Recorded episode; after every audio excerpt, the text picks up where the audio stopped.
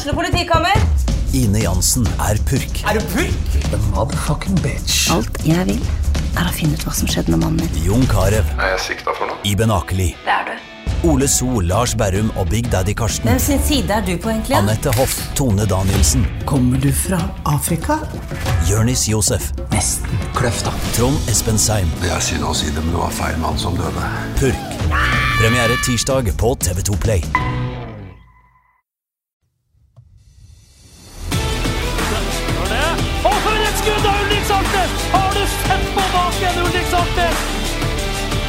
Og så er det skåring, og så skårer Bodø-Glimt.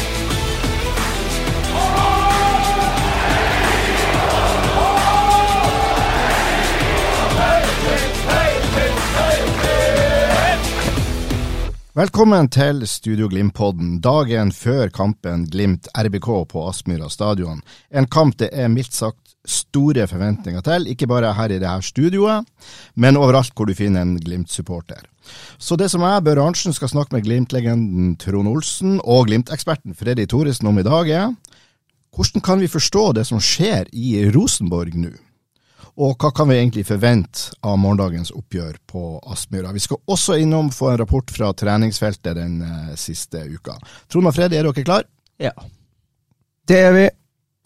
Og for et skudd av Ulrik Saltnes! Har du sett på baken, Ulrik Saltnes? Trond, du har jo en bakgrunn og har gjort en, en karriere også i Rosenborg, så du kjenner jo morgendagens eh, motstander eh, veldig godt. Og kan du, med den erfaringa du har også fra andre klubber, prøve å forklare oss hva er det som skiller RBK fra andre norske eliteserieklubber? Det er jo en by med enorme forventninger. Eh, en klubb med stolte tradisjoner og ja, som har en eh, god historie i forhold til både det de har levert i seriespill og, og i Europa. Så det, er- det er mye store, gode tradisjoner i den klubben. Og så er det, mm, er det klart at eh, det, det er press av forventninger når du eh, spiller for, for Rosenborg. de, kan man si at det er historien som, som gjør det, som gjør at dette er helt spesielt? Altså, de hadde jo en helt fantastisk eh, 90-tall og, og eh, 2000-tall. Er det, er det det som gjør at det, altså, det er den historien som på en måte både er veldig positiv, men som også kan være en hemsko for de i dag? Ja, det, det vil jeg si. Altså det, den historien de har, det, de, de tiltrekker seg jo mange spennende eh, spillere bare pga. at de heter Rosenborg. og og det er jo vel fortjent. Det, det er jo litt sånn som det er for Glimt i dag. Eh, Glimt leverer, og det, er lettere for Glimt å hente inn spillere i dag enn det var for eh, fem-seks år siden. Så den historien og tradis tradisjonene du, du har opparbeida deg, det, har mye å si. Likevel så er det nå sånn da at de i år så, så har det ikke gått så bra. Og det er et bra trøkk. Vi merker det ganske tydelig. Det er mange som eh, prater om at, at nå må de vinne over Glimt, så må Kjetil Rekdal gå osv. Det er veldig stor sånn skuffelse. Det er, det er resignasjon. Du så etter, de, etter siste kampen, så var det jo Da de tapte for, eh, for Vålerenga, så var det jo nesten eh, Jeg vil ikke si på gråten, men det var ikke langt unna en del av de spillerne. De var ordentlig følelsesmessig eh, Altså, de syntes det her var tungt. Ja, og det, det tror jeg nok eh, ærlig de syns òg. De, eh, de vet at eh, det er ikke godt nok å være der, der de er i dag. Og de, de ønsker jo selvfølgelig å, å levere på et høyere nivå og, og levere bedre og mer solide kamper enn det de gjør. Og så er det, er det vel så enkelt at de per nå ikke er bedre enn det de viser. Og da mangler det litt kvalitet på, på de spillerne de har, eh, på samhandling og på måten de spiller på, som, som gjør at de ikke klarer å plukke nok poeng. Vi skal komme tilbake til litt hvordan vi ser for oss at de kan, at de kan eh, fremstå på Aspmyra i, eh, i morgen. Men eh, er det rett og slett sånn at stallen til Rosenborg ikke er et topplag? Jeg syns ikke det er et topplag, og de har eh, De har solgt eh, gode spillere før den, denne sesongen, og, og Tengsted eh, han redda vel mye av inntrykket til, til Rosenborg i fjor, og uten han i år så, så sliter de, og de skårer ikke mye mål. og det, ja, det er vanskelig for dem. Og så er det jo klart at de som sitter på, på kontorene der og trenerne har et ansvar for, for det de henter inn. og Der har de en, en veldig lang vei å gå for å være et eh, stabilt, eh, godt uh, tippeligalag. Uh, Rosenborg var imidlertid et uh, kjempegodt lag da du var der, uten at vi nødvendigvis skal koble at du alene var skylda for det. Men fortell litt om hvordan den tida var. Du var der, du var der i 2009 og i 2010. Og halv elleve. Og halv elleve, ja. Ja. Og du fikk uh, ditt første og andre seriegull der. Han var jo en forbanna kødd, han Trond, som kom tilbake til Aspmyr, og Rosenborg vant 4-0. Og han jubla jo selvfølgelig når han skåra ett av de målene der, så han er jo en uforskammet kar fra Lyngen. Han, Men, men han gjorde det veldig bra i Rosenborg. ja, han gjorde det. Ja. Også på Aspmyra. Ja, sånn er det. Ja, men det, jeg tror egentlig du kan, kan sammenligne det veldig med Glimt. Altså, når du kommer til, kom til Rosenborg da i, i 2009, så, så merker du at du kommer inn til en klubb som er vant til å vinne. Du, er, du blir dratt med på det. Det.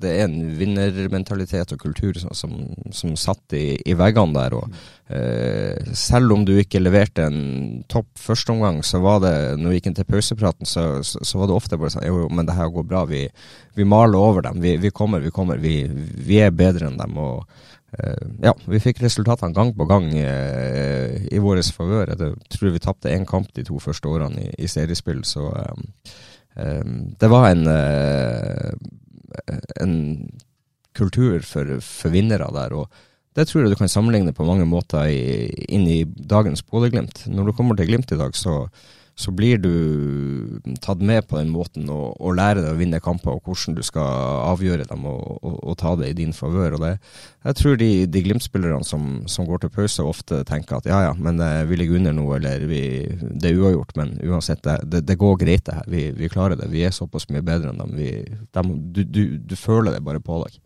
Og den stallen som du var en del av da i disse årene, det var jo det var sterke spillere. Ja visst, det var, det var mange gode spillere der, så eh, at jeg fikk spille såpass mye der, det mm, ja. Det er fordi at du var god. ja, men samtidig så, så er jeg litt eh, overraska over at jeg fikk eh, såpass mye spilletid i forhold til enkelte av dem som var der, ja. Hvem eh, var det som var eh, trener og sportsansvarlig i Rosenborg i de årene der? Det var jo, Hamren var jo trener eh, de første ett og et halvt året jeg var der, så kom jo Eggen inn på midlertidig, og så tok Jan Jønsson over. Eh, og så var Hoftun sportssjef. Så du hadde tre, tre trenere på den, den perioden der? Ja. Mm. Ja, Freddy, hva du tenker om, eh, om eh, både om, ja, om Rosenborg og den eh, situasjonen de er kommet, kommet i nå? Nei, jeg tenker Rosenborg ble rundlurt kraftig av det som skjedde. De hadde marginene på si side når det kommer etter at overgangsvinduet i Norge var stengt før seriestart. Eller, eller eh, det var vel ikke før seriestart, men overgangsvinduet er stengt, og plutselig kommer det en fransk klubb og henter Noah Holm på lån. Og de betaler også en del penger for å, for å foreta dette lånet, og det var jo før Noah Holm egentlig hadde slått ut i full blomst på Lerkendal. Så får Rosenborg muligheten til å hente Kasper Tengstedt fra benken i Horsens, og hans eh, på en måte at han, Måten han slo til på det, det er en av de beste signeringene jeg kommer på i norsk fotball, altså. Kan nesten være sammenligna med Kasper Junker sin eh, overgang til Bodø-Glimt, hvor han skåra 27 mål på 25 kamper den ene sesongen han var. Så, så må den der eh, kraft krafta og kvaliteten Kasper Tengstedt hadde nesten fra første sekund etter at han kom på Lerkendal. For det som er greia, det var et Rosenborg-lag som sleit med å vinne. Og så får de Kasper Tengstedt. Så setter han 1-0 i en kamp som står og vipper. Det skjedde ikke før han kom, ikke sant? Og så eh, begynner motstanderen å, å plage Rosenborg litt. Så får Kasper Tengstedt ballen igjen. Hamrer han i krysset, så er det 2-0. Og vinner Rosenborg. Så blir det ei eh, arbeidsuke med ro fra omgivelsene i Trondheim, ikke sant? Og så jobber de videre inn mot neste kamp. Og så fortsetter de. Gradvis blir det mer og mer selvtillit inn i laget. Gradvis begynner Kasper Tengstedt ikke bare at han skårer på egen hånd, men han begynner å få kombinasjoner og, og, og eh, på en måte kjemi med Carlo Holse, ikke sant. Og så er Edvard Tagseth og Olav Skarsheim fotrapp og bra, og Markus Henriksen står bak og har litt mindre å hanskes med defensivt fordi at motstanderen må passe på han der Kasper, Kasper Tengstedt. Så blir det selvtillit, det blir resultater, det blir poeng. Men var det det at Rosenborg-maskineriet var kommet i gang, eller var det det at Kasper Tengstedt hadde sånn enorm innvirkning på de, de rundt seg? Hva du tenker om det, Trond? Det, det er litt sammensatt. Eh, For det første så, så kom han inn der og, og hadde litt flyt i starten og fikk de skåringene. og eh, virkelig kom i gang for, for Rosenborg, og så eh, leverer han jo en strålende høst. Eh, han drar på seg mye oppmerksomhet i kampene, som igjen gir plass til de andre rundt seg. Og, og når, eh, når markeringa glipper han, så er han der og er, er giftig. Så det er litt sammensatt i forhold til det. Og så er det, eh, er det klart at når, når det kommer et bud på 100 millioner på, på han, så, så, er Rosenborg nødt til å selge. Og det, det er det er umulig for dem å, å si nei til, til, det budet i den situasjonen de er i nå. Du, Rosenborg hadde ikke noe valg. De måtte selge. For det første trengte de pengene, og for det andre så har jo garantert eh, Kasper Tengstedt og hans eh, apparat rundt seg lyst til at den der overgangen skal bli en realitet. Men så jeg tror Rosenborg trodde de var kommet lengre enn de vitterlig var. De var høstens lag, de spiste seg nærmere Bodø-Glimt. De klarte nesten å snappe sølvet fra Bodø-Glimt, mm. og, og, da inn, inn, i Europa, ikke sant. Men Bodø-Glimt holdt unna. Molde vant jo uansett, men Molde og Rosenborg var gode på høsten. Men, men eh, det skje, og, og, Rosenborg skal ha ros for en del av signeringen de gjorde i, i fjor. Kasper Tengstedt er en av de. Mm. Jeg stiller større spørsmålstegn med signeringen og de tingene de har gjort i år. For ok, de selger Kasper Tengstedt, og de henter ganske kjapt to spisser. Blant annet Isak Thorvaldsson fra Island, og Oskar Aga fra eh, han Grorud, toppskåreren i Obo, som dro til Sverige og ikke lyktes der. De ble henta ganske kjapt. Og så har de Ola Sæter. Er det Ole eller Ola? Ole Sæter. Ole Sæter, ikke sant? Han er skada. For øvrig så har nå jeg en liten mistanke om at de oppslagene fra Trondheim her tidligere i uka om at han er skada og ikke kan spille eh, på Aspmyra på lørdag, ja ja, la oss nå se på det om det var ei lita finte fra trener Rekdal som ble planta i media. Vi får se. Jeg blir ikke overraska hvis Stole Sæter er med til Bodø og spiller mot Bodø-Glimt. Men de de har henta to spisser for å erstatte eh, Kasper Tengstedt. Så blir skade på Ole Sæter, så må de hente uh, Sadiku. Og jeg sjekka med Birger Løfali, som er og la det opp til kampen, altså sportssjefen i Adresseavisa. Jeg sjekka med han. De har jo nå faktisk fire spisser, om ikke fem. For de her Oskar Aga og til og med Kristal Ingasson, som ble henta i fjor, er også spiss. Så de har plutselig fem spisser. Og hvor er kantspillet? Hvor er kantspillerne? Og det er jo noe med Det nytter ikke for Rosenborg å eh, perlen bakfra, lange pasninger, oppspill mot spisser som sprenger. De er nødt til å etablere et eget spill. Og jeg tror Rosenborg fort kan eh, både klare uavgjort og slå Bodø-Glimt på Aspmyra. Jeg blir ikke overraska, men det jeg kan garantere, det, og ja, det hjelper godt på lørdag at de eh, slo Bodø-Glimt. De er fortsatt tre, syv poeng bak. Men det hjelper ikke hjemme på Lerkendal, hvor de er nødt til å stå og styre spillet mot en motstander som kommer til å ligge som Rosenborg gjorde på Aspmyra og skal kontre Bodø-Glimt i senk. Så og der er jo ikke Rosenborg god nok i dag. De, ikke, de har ikke et godt nok eget spill til å kunne styre kampene. Mm. Det, og det er problemet. Så det er en større fordel for dem å komme til Aspmyra og, og, spille mot Glimt og være et mer ødeleggende lag og, og spille på Glimt sine svakheter.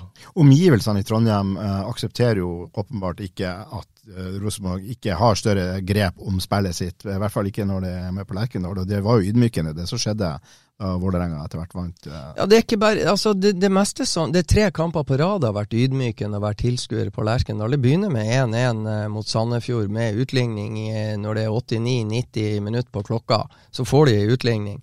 Og så er det en 0-0-kamp i Skien hvor ikke Rosenborg skaper altfor mye sjanser, ikke sant.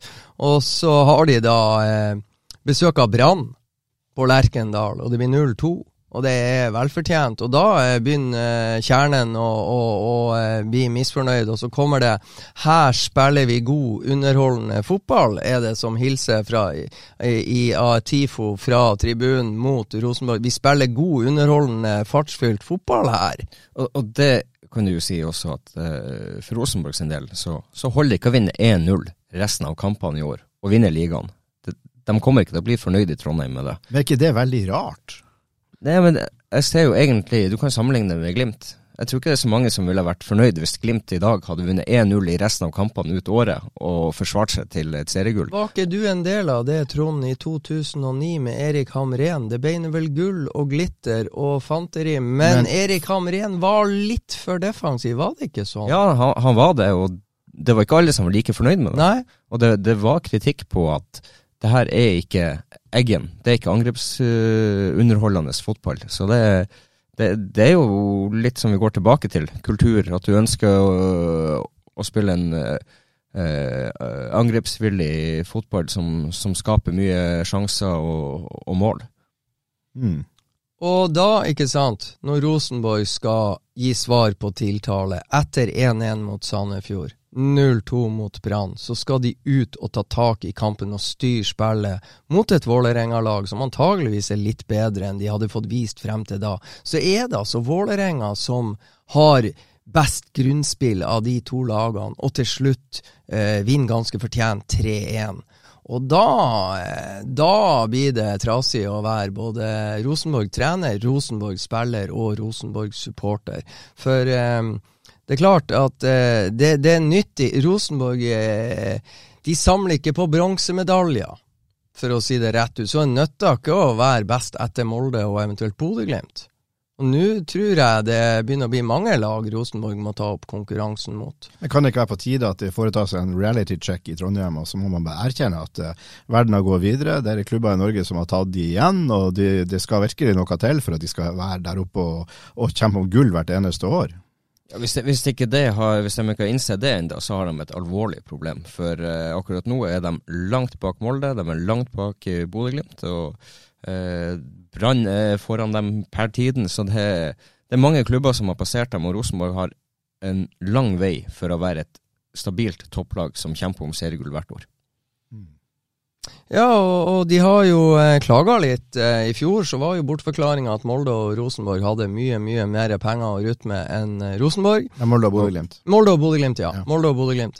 Eh, så selger de Kasper Tengstedt for 100 millioner. Så gudene skal jo vite at det har jo vært litt mer penger i sving i, i um, inngangen til 2023, for jeg regna med at eh, noe av disse 100 millionene de fikk fra Benfica, er reinvestert i nye spillere. Rosenborg har kjøpt ungt. Eh, og, og, eh, men jeg er ikke like sikker på at de har truffet like bra som de gjorde med Kasper Tengstedt. Jeg tror nok også økonomien til Rosenborg fortsatt er ganske anstrengt. Jeg tror de må selge et par, eh, et par spillere til, nesten i den størrelsesordenen, før de får kontroll på økonomien. Den virker eh, ganske Ja. Det, de, de bør kanskje satse på å gjøre det bra i Europa. De skal jo tross alt få lov til å prøve ja, seg. Nei, det, det, er jo en mulighet, da. Nei, det er, ganske, det er ganske rart å se Det er veldig rart å, å se Rosenborg spille, for de er ikke til å kjenne igjen. Og det er en, en helt annen type fotball eh, Kjetil Rekdal og Geir Frigård eh, sverger til. Og, og, jeg tror ikke det er bare rart for meg, jeg tror det er rart for Rosenborg-fansen. For eh, ja, de kan glimte til i enkeltkamp enkeltkamper, men så langt uh, denne sesongen så har de spilt seks kamper og vunnet én, og det var i første serierunde mot et godt vikinglag. Hvis ikke jeg husker feil, så var det litt heldig den seieren der også. Så uh, nei, det er utrolig rart å se de, og de har skåra og hør på det, de har skåra fire mål på seks kamper i Eliteserien i Norge. Det tror jeg ikke trønderne er superfornøyd med.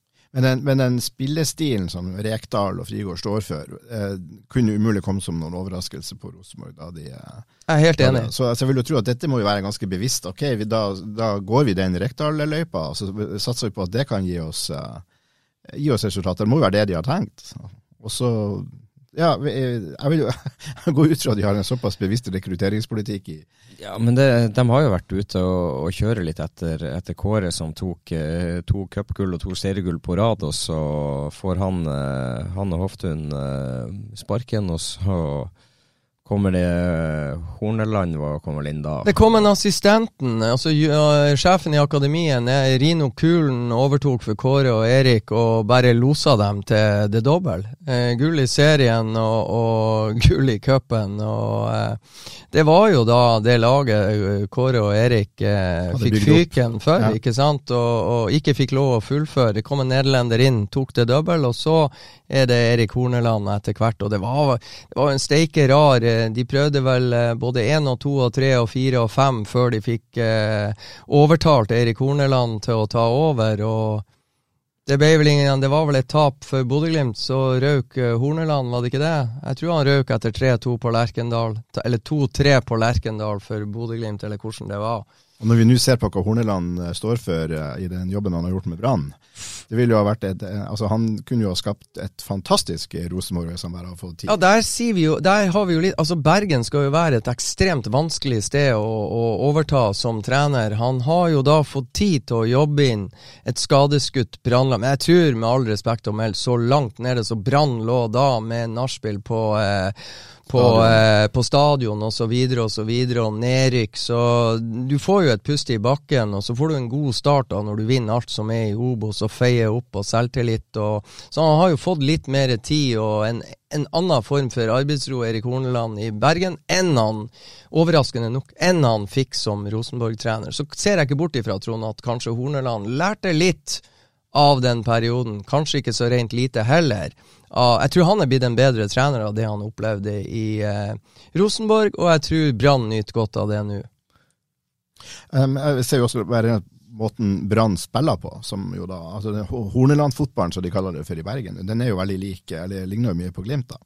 Han, ja, han det er rett. Jeg vil nok tro at han hadde i seg det, den samme stilen og den samme tanken om offensiv fotball, også når han var i Trondheim, men han fikk bare rett og slett ikke han fikk ikke den tida han trengte for å få omgivelser med seg på det. Nei, og så er det jo det, altså det, Vi har vært innom det mange ganger, men det er kjempevanskelig i Rosenborg. Det, det er store krav og høye krav der, og, og det skal være angrepsvillig og målrike kamper underholdende. og underholdende. Ja. Så du, du, blir nesten dømt på det fra første stund, og leverer du ikke på det, så, så har du et massivt trøkk mot deg. Og jeg er veldig spent på et par småting her. Rosenborg har fornuftig nok henta mye ungt så har de eh, André Hansen, Markus Henriksen og Per Siljan Skjelbred. Heldigvis, da, som har eh, lange, stolte tradisjoner og lang fartstid fra the good old days i Rosenborg. Men den motgangen og den gjørma de står nedi nå, så, så, stilles det enorme krav til de tre for å skape den roen og harmonien de er avhengig av i ei ung spillergruppe. For jeg tror enkelte av disse ungguttene sliter litt med å forlate Lerkendal til pipekonsert tre kamper på rad. Og de kommer eh, til å ha et enormt press på seg på Aspmyra på eh, lørdag. Og for et skudd av Ulrik Saltnes! Har du sett på baken, Ulrik Saltnes? Ja, det var Q Aspmyra i uh, morgen, og uh, vi skal nå snakke om den kampen, og ikke så mye om Rosenborg som, som klubb. Men er vi der nå Eh, at vi kan frykte at Glimt-spillerne og miljøet rundt, altså apparat og hele, hele sulamitten på Aspmyra, at de rett og slett kommer til å undervurdere Rosenborg i en sånn grad at vi gjør det lettere for uh, underdogen fra Trondheim å få med seg noe hjem? Nei, jeg tror ikke det. Um, jeg tror uh, det her er en kamp som de fleste i den garderoben oppe på, på Aspmyra virkelig har lyst til å vinne. og, og statuere et eksempel eh, for, for både seg sjøl og alle andre rundt dem at uh, vi er et uh, forbanna godt lag, og skal, skal, du komme hit, så må du være jævlig god for å slå oss. Og det, det tror jeg de er innbitt på, og de kommer til å gjøre alt de kan for å um, vinne den kampen. Så jeg tror ikke de kommer til å undervurdere Rosenborg. Eh, noe som uh kanskje gjør det. Men altså Norsk Tipping, da, oddsen, bare for å dra den, for å si litt om hvordan er styrkeforholdet vurdert nå av, av, folk som, som, eh, har penger involvert i dette. Så har da Norsk Tipping eh, gir da 1,32 i odds på Glimt-seier, og så gir de 5,2 for uavgjort, og så gir de 8,2 8,2 for Rosenborg-seier på, eh, på Aspmyra. Det er jo en helt hinsides styrkeforskjell. Ja, det er nesten like syk styrkeforskjell som det var da Brann kom til Lerkendal og plutselig var favoritt eh, hos eh, nett- eller odds-selskapene eh, for tipping. Så nei, det er kraftfull, eh, kraftfullt signal fra Norsk Tipping, det. Og det er jo ikke overraskende, da, sånn som resultatene har vært og prestasjonene har vært så langt. Og jeg må også bare si jeg er enig med Trond. Jeg har vært og vaka litt på Aspmyra denne uka. Jeg kan bare garantere deg, det Bodø-Glimt-laget der kommer ikke til å undervurdere Rosenborg ett sekund. Jeg kan også garantere at de kommer til å møte et Rosenborg-lag som kommer til å være skjerpa og klar og kommer til å bruke alle triksene i boka for å klå Bodø-Glimt. Men at de, hvis de kommer og tar med seg et godt resultat, så er det ikke fordi at Bodø-Glimt undervurderer dem. Da er det fordi at de eventuelt lykkes med en slu taktikk satt opp av Kjetil Rekdal. La oss ta det med en gang, før vi prater om hva, Glimt kommer til å gjøre. Er det sannsynlig at Kjetil Rekdal kommer til å parkere bussen, som det så fint heter, eller legge seg på altså utelukkende ta hensyn til hva han tror Glimt kommer med? Det, er litt vanskelig å si med, med Kjetil Rekdal, for han, eh, han, kan plutselig finne på det, det mest utroligste. Eh, men jeg tror ikke Rosenborg er, er god nok til å komme og stå høyt og, og presse Glimt eh, for, for, å gjøre feil. Og, og, og nei, jeg tror nok det at Rosenborg kommer til å være veldig tett og kompakt defensivt og, og satse på et par kontringer for å få inn ei skåring.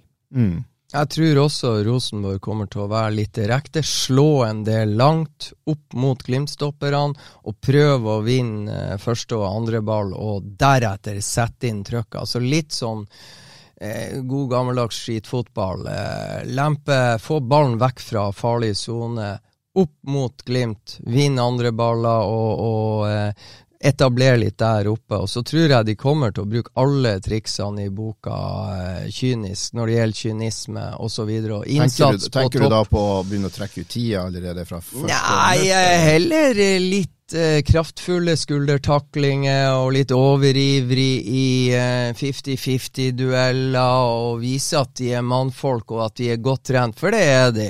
Så eh, jeg tror de kommer til å selge seg så dyrt som overhodet mulig. Og det jeg er litt spent på, det er hvem av lagene er det som får kampen inn i sitt spor. Jeg, blir, jeg tror som Trond, Rosenborg kommer til å eh, altså parkere buss, de kommer til å forsvare seg. Og, og det som er greia når Bodø-Glimt står med sine egne stoppere 40 meter fra André Hansen i Rosenborg-målet og jakter etter åpninger, smutthull, i en Rosenborg-boks der, mm. ikke sant, en forsvarsmur, så skal det ikke mye feiltouch på ei pasning eller et mottak før Rosenborg har fått bruddet sitt. Og det er fart og kraft og kvalitet i det Rosenborg-laget til å slå kontra og straffe Bodø-Glimt kraftig hvis de står så høyt. Så, så eh, det blir hvordan Glimt eh, sitt, sitt forsvar er klar over den omstillinga, hvor kjapt de klarer å tenke den omstillinga, om de klarer å tenke den like kjapt som Rosenborg-spillerne, og hvor ofte de bruddene skjer. Så er det litt viktig at uh, for Glimt sin del at ikke de blir som i førsteomgangen mot Lillestrøm. Det, når de får ugunstige brudd på seg med litt for store avstander mellom lagdelene. Hvis Rosenborg vinner ballen da, og er dyktig nok på vinningsspillet, så blir det enorme rom på Glimt. Det er akkurat og det, det, det må Glimt passe seg for. Det må Glimt passe seg på eh, passe seg for. Jeg tror de er klar over det. Rosenborg kommer til å prøve å utnytte eh, akkurat det samme. Så det, det blir jo det store spenningsmomentet. Jeg har jo snakka med Erik Hoftun bl.a. at får Glimt det første og eventuelt det andre målet, da tror han det kan bli skikkelig stygt for Rosenborg. Men det trodde vi jo også til seriestart i fjor på Aspmyra, hvor Rosenborg kom fra 0-3 hjemme mot Raufoss i en treningskamp, og ingen levna dem noe som helst sjanse på Aspmyra. Det ble 2-2. Mm. Så uh, det er det som blir så steike interessant med denne kampen her. Ja, altså, Hvem er det som får uh, kampen inn i sitt spor? Men det er jo som du sier, Hvis det går Glimt opp til 2-0 tidlig, så tror jeg Rosenborg-laget er ganske kjørt.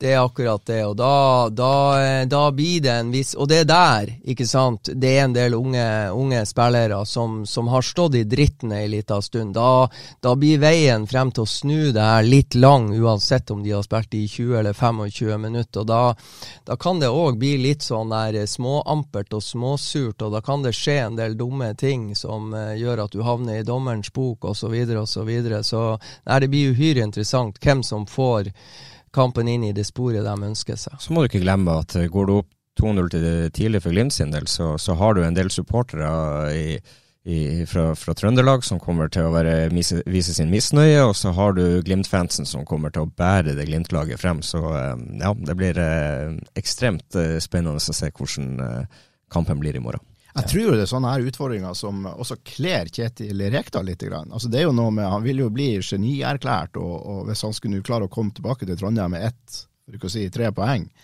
og være såpass underdog som de er nå, da. Ja, det, du har rett i det, og jeg tror det er, det er en glede som er kortvarig. Fordi at ja, Kjetil Rekdal kan lykkes på Aspmyra mot Bodø-Glimt. Men Gjør han det, så er Rosenborg fortsatt syv poeng bak Bodø-Glimt. Og så skal de hjem og spille en helt annen type fotball for å hente hjem tre nye poeng på Lerkendal. Og det de eventuelt kommer til å lykkes med på Aspmyra, nødt ikke å gjenskapes mot en motstander som kommer til å ligge sånn som Rosenborg gjorde på Aspmyra, på Lerkendal. For da må Rosenborg ut og dominere, og det har de fortsatt ikke øvd inn. Så det kan bli kortvarig lykke. Jo da, men uh, kortvarig lykke er bedre enn ingen lykke. Ja. men uh, Fredrik, du har uh, fulgt uh, treninga. Nå må vi prate litt mer om Glimt, føler jeg. Nå må vi, nå må vi ja, gå, gå, gå, dit. Og uh, hvordan har det sett ut? Hvordan Er det noe nytt på Jeg vet ikke, Børre. Jeg hadde egentlig håpa at du ikke skulle stille meg det spørsmålet der. Men For jeg har vært på Aspmyra og sett på trening denne uka, og det, jeg kan si én ting. Det har vært en sann fryd. Såpass? Ja. Det har vært Det har faktisk av og til innimellom Det er kaldt på eh, på den der gamle hoved, eh, hovedtribunen som er eh, i Hålogalandsgata. Men du verden, det har vært en del Det har vært mye fint å se på, for å si det rett ut. Ikke bare én spiller, men Nino Sugeli han har vist en X-faktor som bare er helt hinsides enhver fornuft i et par av spillsekvensene. Eh, Faris Pemi, mottaket, eh, kombinasjonsspillet med kantspillere. Oi, oi, oi. Det er ting som begynner å fungere. Eh, defensiv eh, jobbing av eh, vinger, om du heter Joel Mbuka eller Sondre Sørli eller Nino Sugell. Oi, oi, oi. Sondre Brunstad Fet han har bevist nok ei treningsuke at han har ikke glemt å spille fotball, selv om han har vært eh, ikke, Selv om han har spilt 55 minutter fotball på ett og et halvt år. Eh, nei, det er veldig mye som har sett Jeg vil si det har sett skummelt bra ut. Det er by far den beste treningsuka jeg har sett på lenge fra de helgule. okay. så, så, så, så, du sier at PMI har vært bra denne uka? På trening, ja. Ja. jeg vet ikke.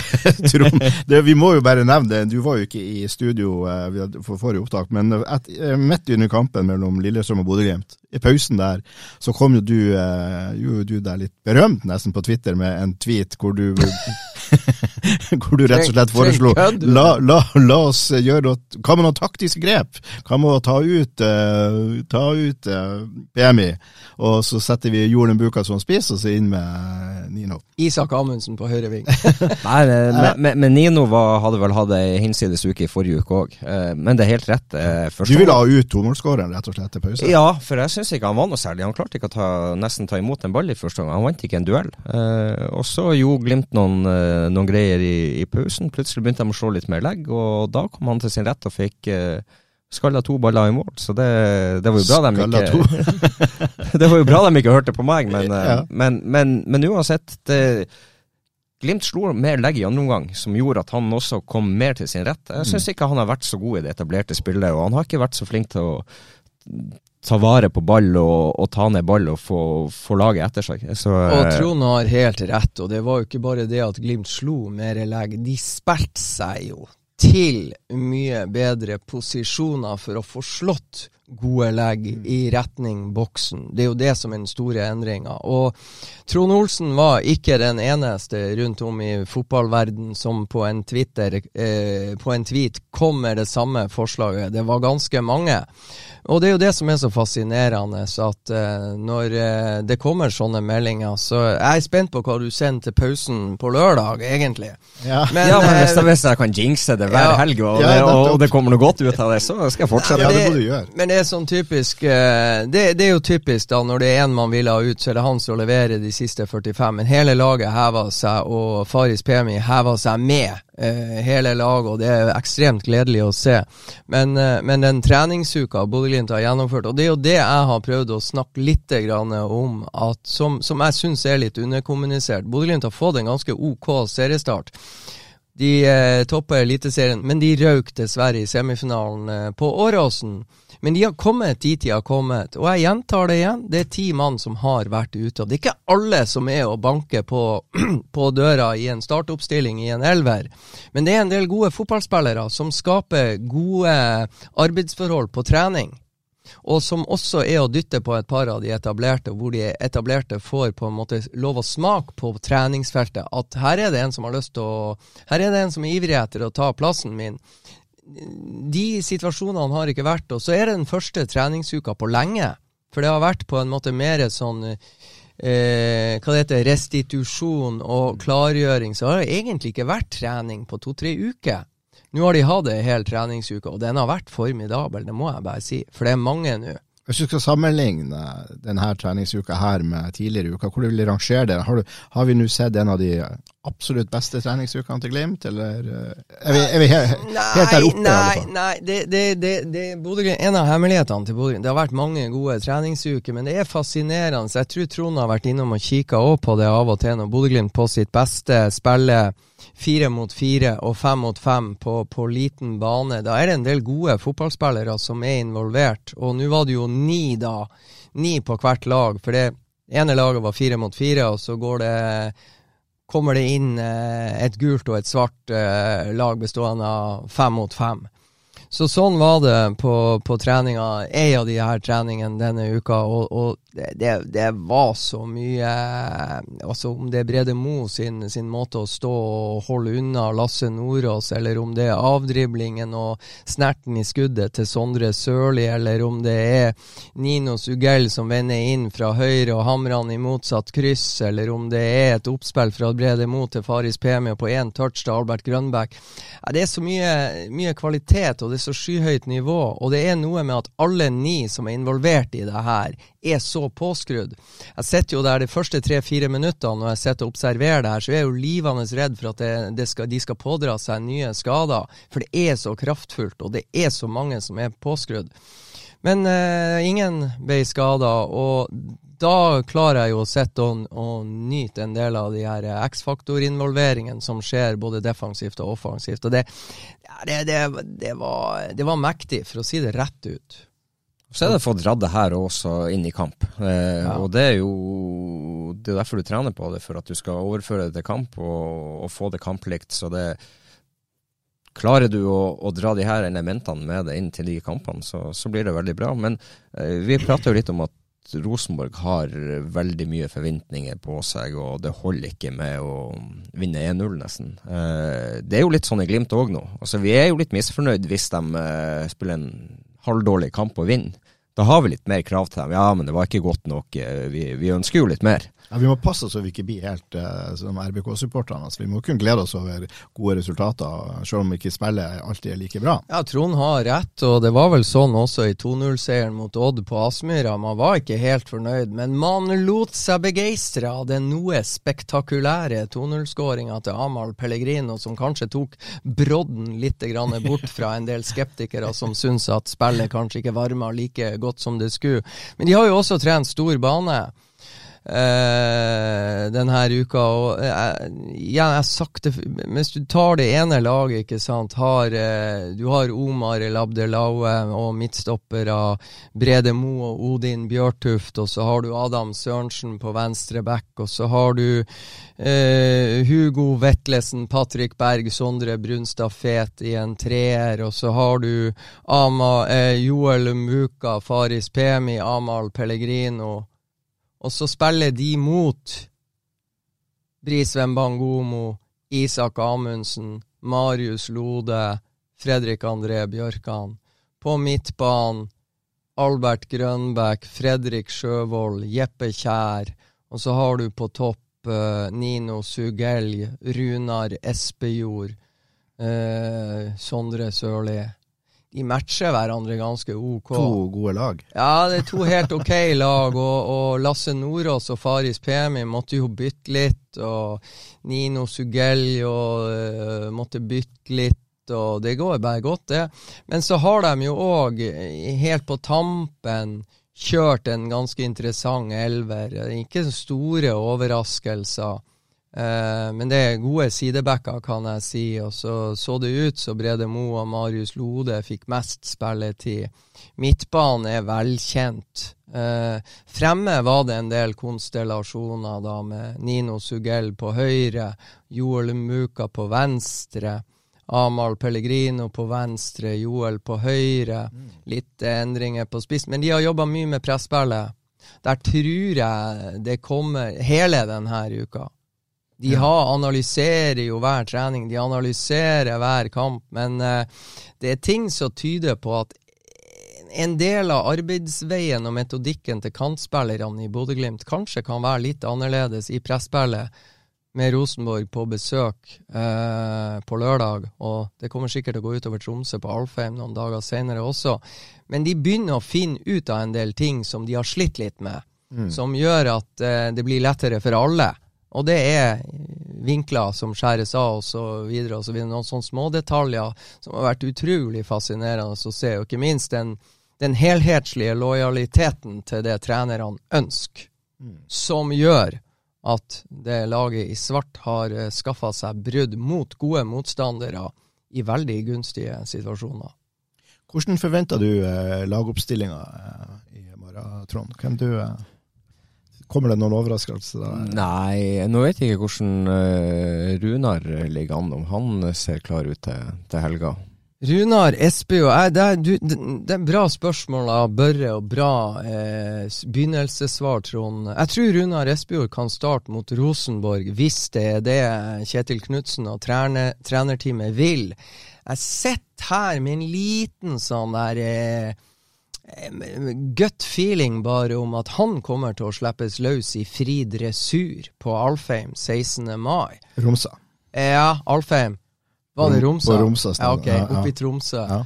Ja, jeg, jeg vet ikke hvorfor. Jeg har bare hatt den der følelsen Men jeg, jeg tror Men, hvis, han- men, han, men han ser ut som et alternativ til helga? Å ja. ja okay. Å, absolutt. Uh, ja, eh, det var bare det jeg Han lurte på. ser ut som et alternativ. Ja, og det, han tror og det og tror jeg mange, mange der ute òg lurer på om han eh, er klar. Så, eh, Men hvis, hvis Så han er klar, da ville du, ha- ville du ha kjørt han inn nå, da? Uh, ja, jeg syns jo han er den beste fotballspilleren av de tre eh, spissalternativene de har. Uh, men så er det vanskelig å sette ut eh, PMI etter, etter to skåringer mot Lillestrøm, så det, det den, er litt, litt kinkig, den der, men uh, jeg vil gjerne ha Runar uh, så fort som mulig i gang og, og få han uh, på topp, for jeg, jeg syns Glimt får litt mer av han. Eh, jeg er enig med han Trond. Og det som, det som vi i hvert fall kan slå fast altså, eh, vi var, Stian Høgland var og prata med, med Runar Espejord her tidligere i uka, og, og Runar sa hadde du spurt for tre dager siden, så ville du ha fått et helt annet svar. Men det var noe med måten kroppen hans hadde respondert på det for tre dager siden, og frem til spørsmålet ble stilt, som, som gjorde Runar mye mer optimistisk enn han frem til da hadde vært. Og etter at det spørsmålet ble stilt, så har Runar Espejord fullført samtlige nesten sekunder på treningsfeltet, og jeg syns også det ser ganske bra ut. Ja. men laget, da. Eh, Nikita. Hun det blir Fredrik. eh, så regner jeg med at det blir eh, Brede og Lode. eh, Omar til, til høyre. Midtbane, ikke noe overraskelse av Patrick, eh, Albert og Hugo. Eh, gjerne Runar på topp. eh, Amal til venstre. Og til høyre så ville jeg satt inn Nino. Mens eh, Amal ble nevnt, han har jo sjøl sagt at han var litt usikker. Eh, har, du, har han vært til stede på treningsfeltet? Er han, tror du han er kampklar? Ja, altså der er jeg litt usikker, for eh, Amahl har vel vært mer eh, innomhus enn han har vært å vise seg frem. Han har vært å vise seg frem litt sånn i ny og ne. Kanskje er det for å eh, minne lagkameratene hans om at han faktisk er til stede. Og så går han inn og får behandling osv. osv. Så, videre. så han og Fredrik André Bjørkan har vært litt sånn eh, i, i behandlingsrommet og eh, eh, denne uka. Jeg tror begge to eh, blir klar. Eh, og så er spørsmålet da om eh, trener Knutsen har sett dem nok. eh, og eh, hva slags beskjeder som går fra det medisinske osv. osv. Men eh, jeg tror begge er med i tropp, og jeg ser ikke bort fra at begge kommer til å starte. Begge kommer til å starte. Hvordan ser du ellers på det laget Trond tok ut? Er du, er du der du òg? Inn med Nino på, uh, i stedet for Joel? Eller? Ja, ja, ja, altså jeg er ikke sikker på at eh, La oss nå si hvis uh, Eliteseriens suverene toppskårer eh, Amahl Pellegrino skulle slite med to tøffe kamper mot Rosenborg og Tromsø, så har uh, Bodø-Glimt skyts. Eh, da kan det fort bli Joel som spiller venstre, og eh, Nino Sugell på høyre. Og Nino Sugell har hatt eh, Ja, han er rett og slett bare en god spiller, altså. Det er, det er ikke tvil. Eh, så, men jeg tror, eh, altså, basert på treningene denne uka, om det blir Altså Det er jo litt eh, Amahl er jo egentlig selvskreven hvis han blir klar, og da blir det Joel. Og så er spørsmålet når kommer Nino inn? Mm. For Joel på høyre har vel ikke vært blendende offensivt den siste perioden. Jeg syns han har kanskje vært hakket bedre defensivt. Det har, vært, det har vært en del smårusk. Det har vært Ja. Ja, enkle ballmiss og, Ja. og litt dribling av seg sjøl. Ja, litt, Mm. litt, litt sånn småting som, som bærer preg av at han, han ikke har den top notch selvtilliten som, som jeg skulle ønske han hadde. Uh, ja, uh, så, eh, men, men, men jeg vil jo Nino inn fordi at han eh, kan avgjøre kampene, eh, og han er kanskje litt som Amal, at han kan, han kan dra av en mann og, og lime bånd i, i krysset. Eh, så det, Ja, det liker vi. ja, det, vi liker å se det. Det, det, det er jo fin fotball. Men, men, men samtidig så tror jeg jo fort at, eh, at det er mm, Joel som, som kommer til å starte den kampen, og så er Nino en joker som kan komme inn og Men jeg kan eh, bare gi klar beskjed at eh, Nino Sugell har i kraft av prestasjonene på treningsfeltet vært og vifta oppi øynene til trenerne med kortene at eh, du, jeg begynner å komme i form her. Mm, Og det, er, og det er ikke bare i det offensive og den X-faktoren. Han viser også ekstrem lojalitet og smartness og fotballforståelse i det defensive. så, så, så er det spørsmålet om han holder 90 minutter. Det er jo det vi ikke vet. Er det bedre for han å komme inn og spille de 30 siste enn å starte å spille 45 gode? Og da begynner vi å snakke om uh, luksusproblem. Ikke sant? Skal, er det Omar som kommer til å starte og mørne høyresida til Rosenborg, og så skjer det som skjedde på eh, Åråsen, at Brisveen Bangomo, i motsetning til på Åråsen, tar på seg drakten i garderoben i pausen, sånn at når Omar må ut, så er han klar. Han eh, røpa vel at eh, Han fikk ikke så mye kjeft hos Kjetil Knutsen, men han har fått jævlig mye kjeft hos Omar eller Abdelaue. Um, så eh, Glimt har en del skyts å komme uansett hvem de velger fra start uh, mot uh, Rosenborg. Og noe sier meg at de har mer skyts å sette inn enn Rosenborg har. Jeg må bare nevne, siden vi har vært innom han ved et par anledninger tidligere, nemlig Lode. Uh, Marius Lode, hvor jeg, både jeg og andre her i studio har vært litt sånn smått kritisk til, eh, til han, og ikke helt har sett at han hadde nådd gamle høyder. Så syns jeg det var en veldig lovende prestasjon av, av stopperen nå da på Åråsen, og lurer på om det eventuelt kan ha noen sammenheng med at, at Brede er kommet inn, og at de i lag fungerer veldig godt. Jeg syns i hvert fall han gjorde en eh, jeg gjorde en, en kjempegod kamp. Jeg vet ikke om dere Altså mot, mot eh, Lillestrøm i siste, siste serien. Ja, nå er det jo snart Når kom han tilbake? I fjor sommer, var det? Uh, August. august, ja. Så han har jo snart vært her i et år. og, og Kan ikke skylde på det lenger. og, nei, men å få eh, kommet tilbake og fått kommet inn i rytmen igjen og trent mye og trent godt og, og funnet ut av noen ting. Og så, jeg syns jo tidligere i vinter så, så så det ut som han sprang på en rar og tung måte. Det, det er litt mer snert i, i stegene nå, så eh, det ser lovende ut. Og, og fungerer ikke det, så har du en Odin òg der som jeg syns har vært strålende i, så langt i sesongen. Ikke uenig Men eh, Odin, har jo vært, eh, Odin har jo vært veldig god, det er vi enige om. Og det er jo da jeg syns det er så fascinerende å se Brede Mo kommer inn og sesongdebuterer på Åråsen. Og spiller sine første 90 minutter siden treningskampen før seriestart mot Molde.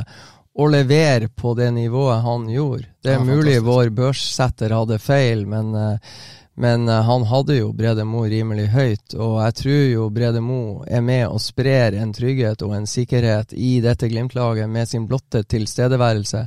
Jeg ser ikke bort fra at det gjør Odin Bjørtuft bedre når han er på banen, og jeg ser ikke bort fra at det gjør Marius Lode bedre når han er på banen.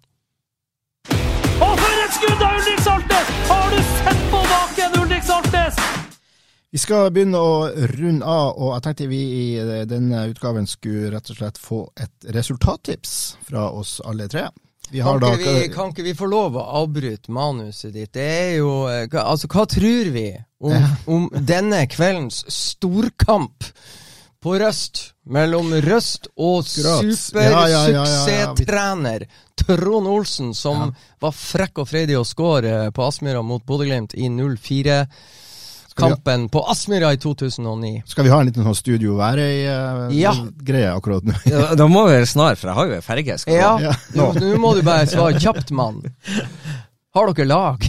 Ja, ja, vi har, eh, vi har faktisk luksusproblem. Vi har vært nødt til å ta ut en tropp. Vi var vel eh, 23 påmeldte til, eh, til kamp. Eh, Vi får kun være 18 i troppen, så vi har tatt ut en tropp på 18 mann. Og vi får med et eh, sterkt og godt lag ut til, til, til Røst. Kan vi få høre her om det var noe misnøye blant de 23 av de da som Altså, du har jo det samme luksusproblemet som Kjetil Knutsen, så når jeg og Børre skal begynne å spørre deg hva gjør Knutsen når han setter ut han og han av troppen, hva, hvordan løser du den slags problematikk?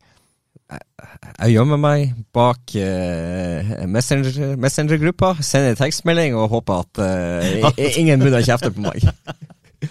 Nei, men det, det, er jo- det er jo vanskelig. Vi trener jo én til to ganger i uka. Vi hadde trening på, på tirsdag. Um, det var mange der. Vi, uh, vi ser ganske bra ut for tida, og det, um, det er artig å holde på. Vi har eh, hatt en god vinter med mye folk på trening, og det, det vises på guttene at de eh, begynte å komme i bedre form, og de responderer litt på ideene til, til meg og Runar, som er min trenerkollega. Da, så eh, vi hadde en fin start på sesongen med tre seire og ni poeng, og hva vi har nå, 9-10-11-12-0 i målforskjell. Røst, og- hvordan har de åpna?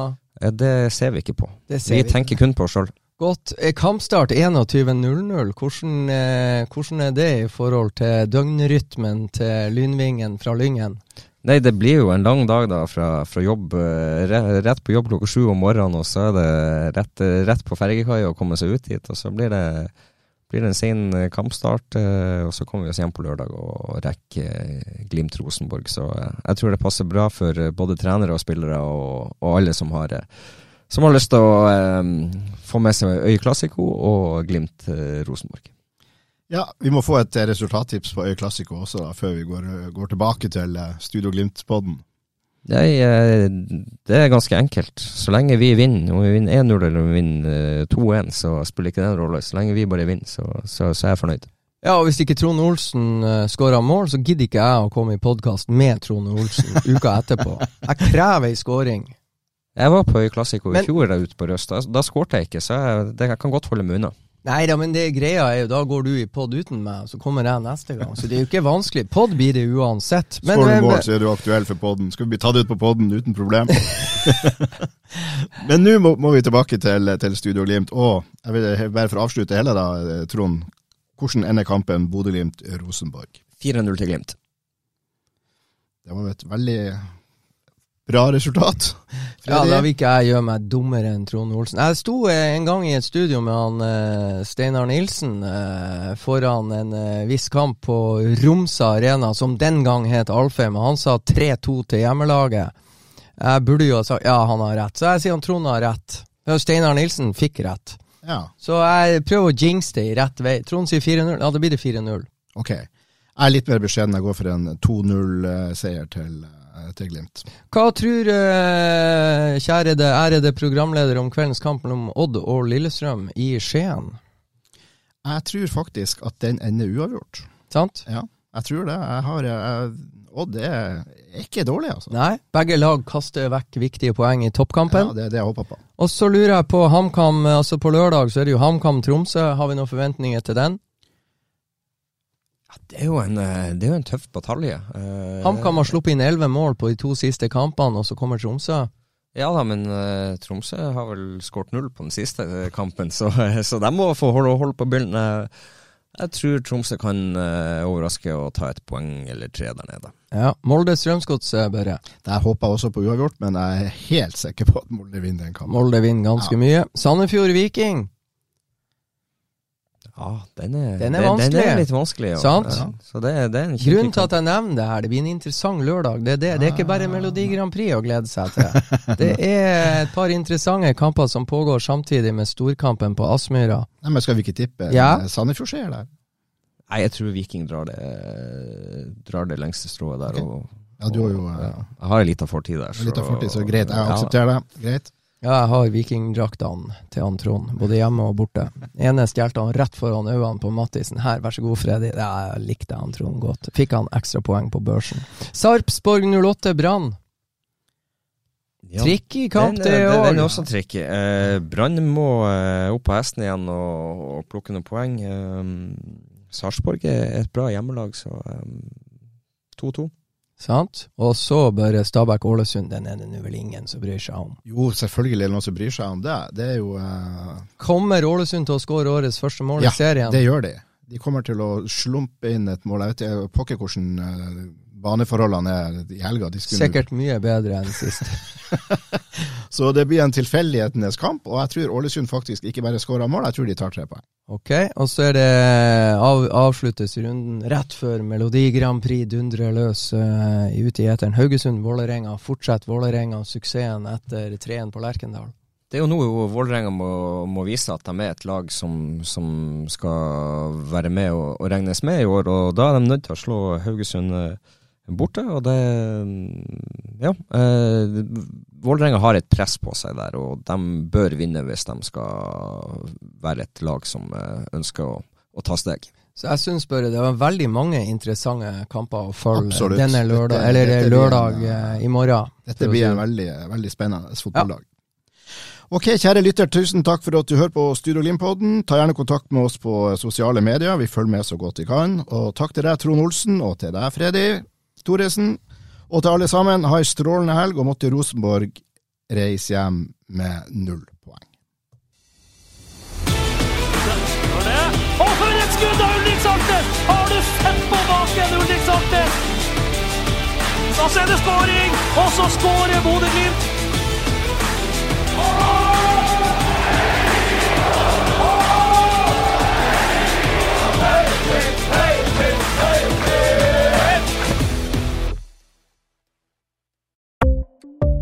Ukens annonsør er HelloFresh. HelloFresh er verdens ledende matkasseleverandør og kan være redningen i en travel hverdag. Mange av oss har nok vandret i butikken både sultne og uten en plan for middagen, som ender med at vi går for de samme kjedelige rettene gang på gang. Middag burde være dagens høydepunkt. Som HelloFresh kan du nå velge mellom 25 ulike retter hver eneste uke, eller få HelloFresh til å sette sammen menyen for deg. Dette gir deg muligheten til å prøve nye og spennende retter alene eller sammen med familien. Du velger antall porsjoner og får alt levert på døren på et tidspunkt som passer for deg. Oppskriftene er enkle, og maten er lett å lage både for store og for små. Ved å få alt levert hjem får du også mer tid til å dele matgleden med familie og venner. Kanskje det frister med asiatiske tacos eller greskinspirert kylling? Da kan jeg anbefale deg om å gå inn på hellofresh.no. Her kan du bruke koden FOTBALL og få opptil 1779 kroner i rabatt på de første fem matkastene hvis du ikke har prøvd HelloFresh tidligere. Du kan også bruke rabatten hvis du har vært kunde og stoppet abonnementet ditt for tolv måneder siden eller lengre. Gå inn på hellofresh.no og bruk koden FOTBALL. Har du et enkeltpersonforetak eller en liten bedrift? Da er du sikkert lei av å høre meg snakke om hvor enkelt det er med kvitteringer og bilag i fiken, så vi eh, gir oss her, vi. Fordi vi liker enkelt. Fiken superenkelt regnskap.